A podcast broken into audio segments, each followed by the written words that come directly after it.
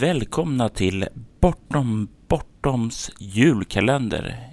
Idag är det den 23 december. Eller Dan före dagen som man brukar kalla det.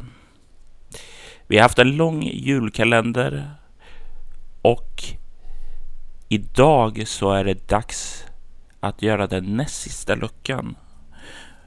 Och jag tänkte ta och egentligen eh, blicka tillbaka lite över julkalendern genom att eh, servera ett eh, berättelsefrö i form av vad som skulle kunna bli en kampanj. Till min eh, hjälp så tänkte jag använda lite grann av eh, tidigare luckor som vi haft i julkalendern för att bygga den här kampanjstarten kring. Så varför inte börja med att eh, bestämma att ja, eh, det ska utspela sig i en kall miljö. Eh, det ska vara eh, så att karaktärerna både kan utsättas för eh, snöblindhet som John eh, presenterade i lucka 6 Eh, och köld och köldskador som han presenterade i lucka 22. För efter att ha grunnat mycket på var man skulle kunna placera en eh, berättelse så slog det mig att faktiskt Ryssland är en väldigt bra plats för det här med eh, tanke på Sibirien och att det är riktigt, riktigt kallt där emellanåt. Efter att fundera lite så tog jag ner min Bortom lögnens slöja-bok och bläddrade upp till sidan 52 och 53 där det står lite beskrivning om eh, saker man skulle kunna bygga vidare på i eh, en sån här berättelse.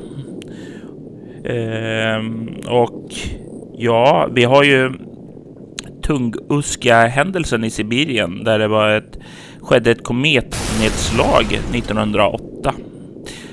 Och eh, det talades alltså mycket om utomjordingar, statliga bombexperiment och så vidare och så vidare. Eh, men i Lugn och slöja så har jag skrivit också att eh, vad som inte alls talas om högt är vad i stort sett alla besvärjare kände under veckan som följde efter Tunguska-incidenten. All magi var mycket lättare att hantera och de aktiva besvärjarna fick en klarare insikt i magins inre. En insikt som dock bleknade bort för de flesta vid veckans slut. Oavsett vad som skedde påverkade det den magiska energin på ett sätt som sällan skådats i världen det här tänkte jag att vi kunde börja och eh, bygga någonting kring i det här berättelsefröet.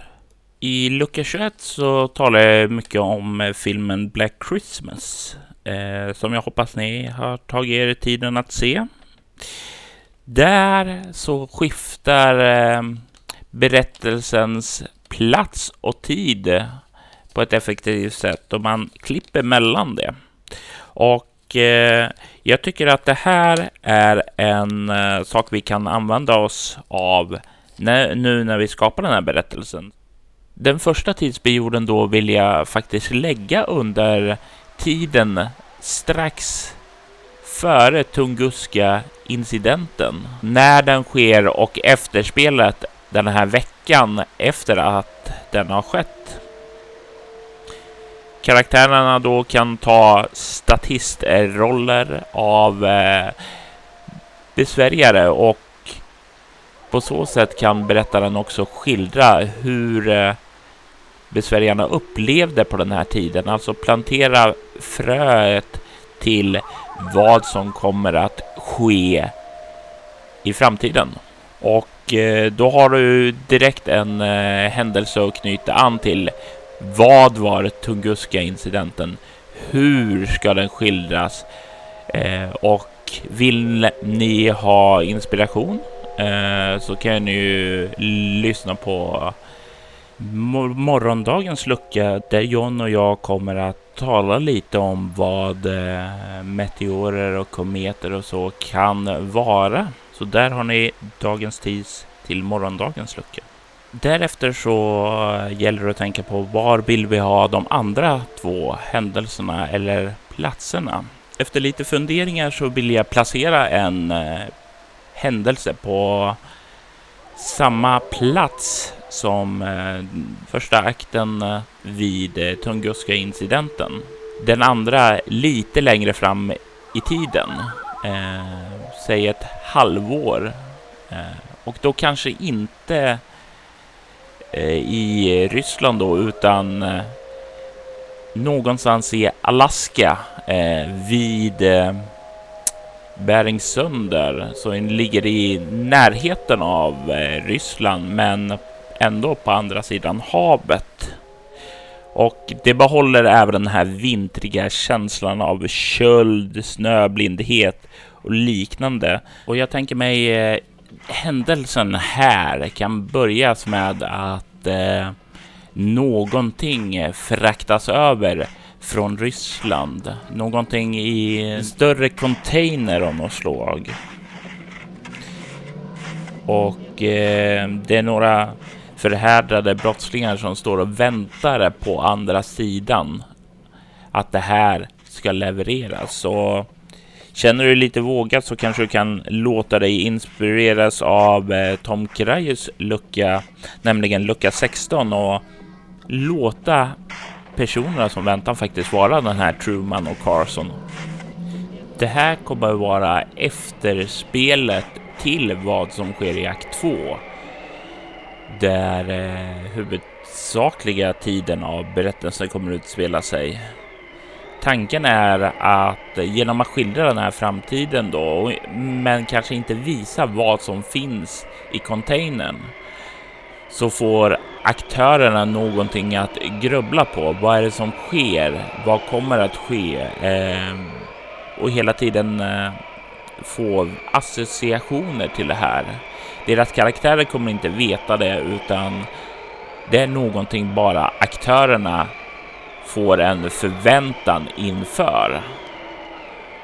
Och med eh, den här händelsen i dåtid där karaktärerna får veta lite mer om vad besvärjarna en gång och så upplevde och i framtiden vad eh, vad som kommer vara en konsekvens av deras egna handlingar så är det dags att vända sig mot vad huvudakten, akt nummer två, kommer att handla om. Och eh, jag tänkte att det kunde vara en väldigt bra idé då att knyta till, eh, till lucka 5 som handlar om sällskapet. Stoffe gav en hel del idéer om vad som man kan eh, använda dem till.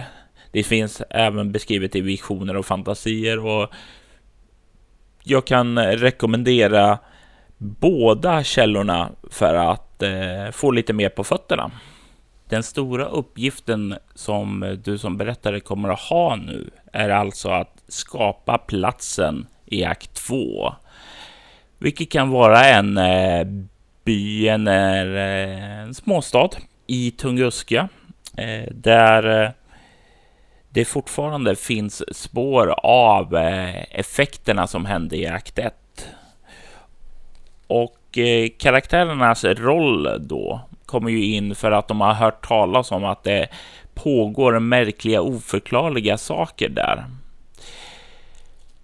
Deras uppgift blir då att åka dit och börja utreda och kartlägga vad som försiggår här. Och eh, i början så så kommer det vara rätt enkelt för dem att börja avfärda. Men ju längre tid som de är där, desto mer kommer de att börja behöva att eh, se över sina egna tankar. Är allting verkligen lämpliga att förklara? Går det att förklara?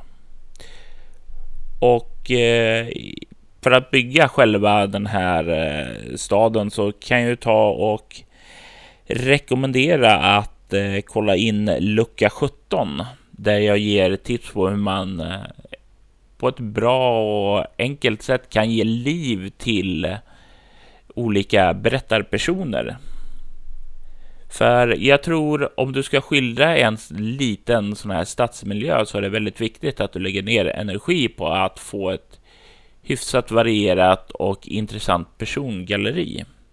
Mycket av den här småstadskänslan eh, bygger till stor del på dina berättarpersoner. Det är genom dem som karaktärerna kommer att få information om gamla myter och rykten.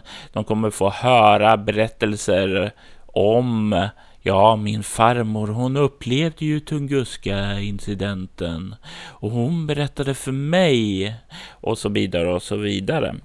Så spana in lucka 17 när du sätter dig ner för att göra de här berättarpersonerna. Efter att eh, du har berättarpersonerna klara så är nästa steg du ska börja fundera kring eh, är vad som kommer att ske där. Hur knyter vi ihop vad heter det, händelserna från Tunguska-incidenten och efterspelet där till eh, nutiden? Hur eh, kommer den här händelsen eh, i eh, framtiden? Eh, där ett eh, ryskt skepp dumpar av en container i en sliten amerikansk stad i Alaska kny spelar roll på berättelsen i nutid i akt 2. Och eh, när du funderar över det här så kan jag också rekommendera dig att du använder dig av me metoden att skapa berättelser som jag tipsade om i lucka 9, nämligen att använda dig av så kallade set pieces, alltså kom på tre olika händelser som jag ska, är lite extra minnesvärda, lite mer spektakulära, någonting som verkligen får karaktärerna att rysa, reagera eller liknande. Det här kan du som sagt var knyta fram eller tillbaka. Men du kan även knyta dem till berättarpersonerna du har nyss gjort.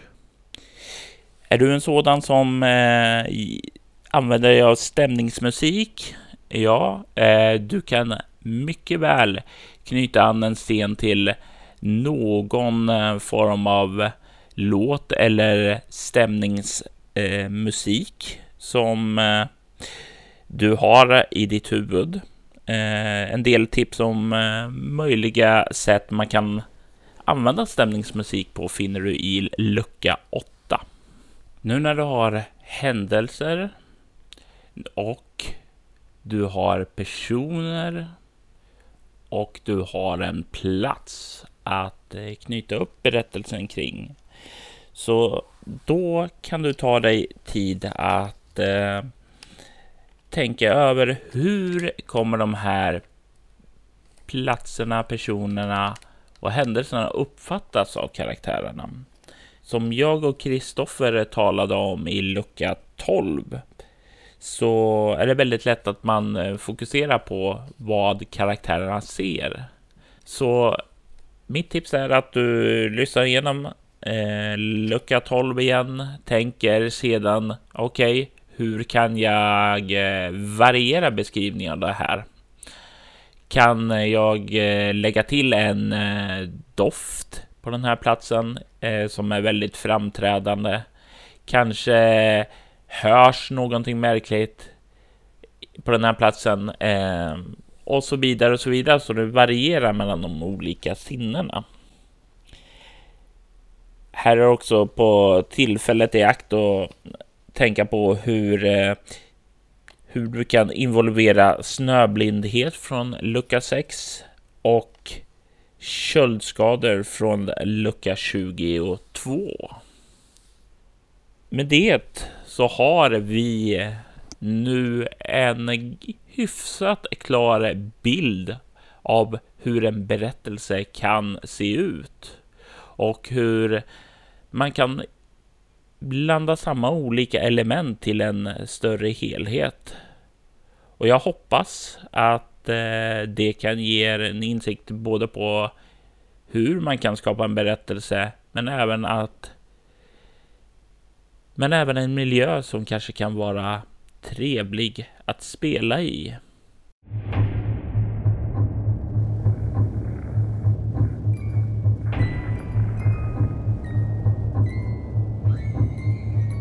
Mama want to kill you and hurt your children.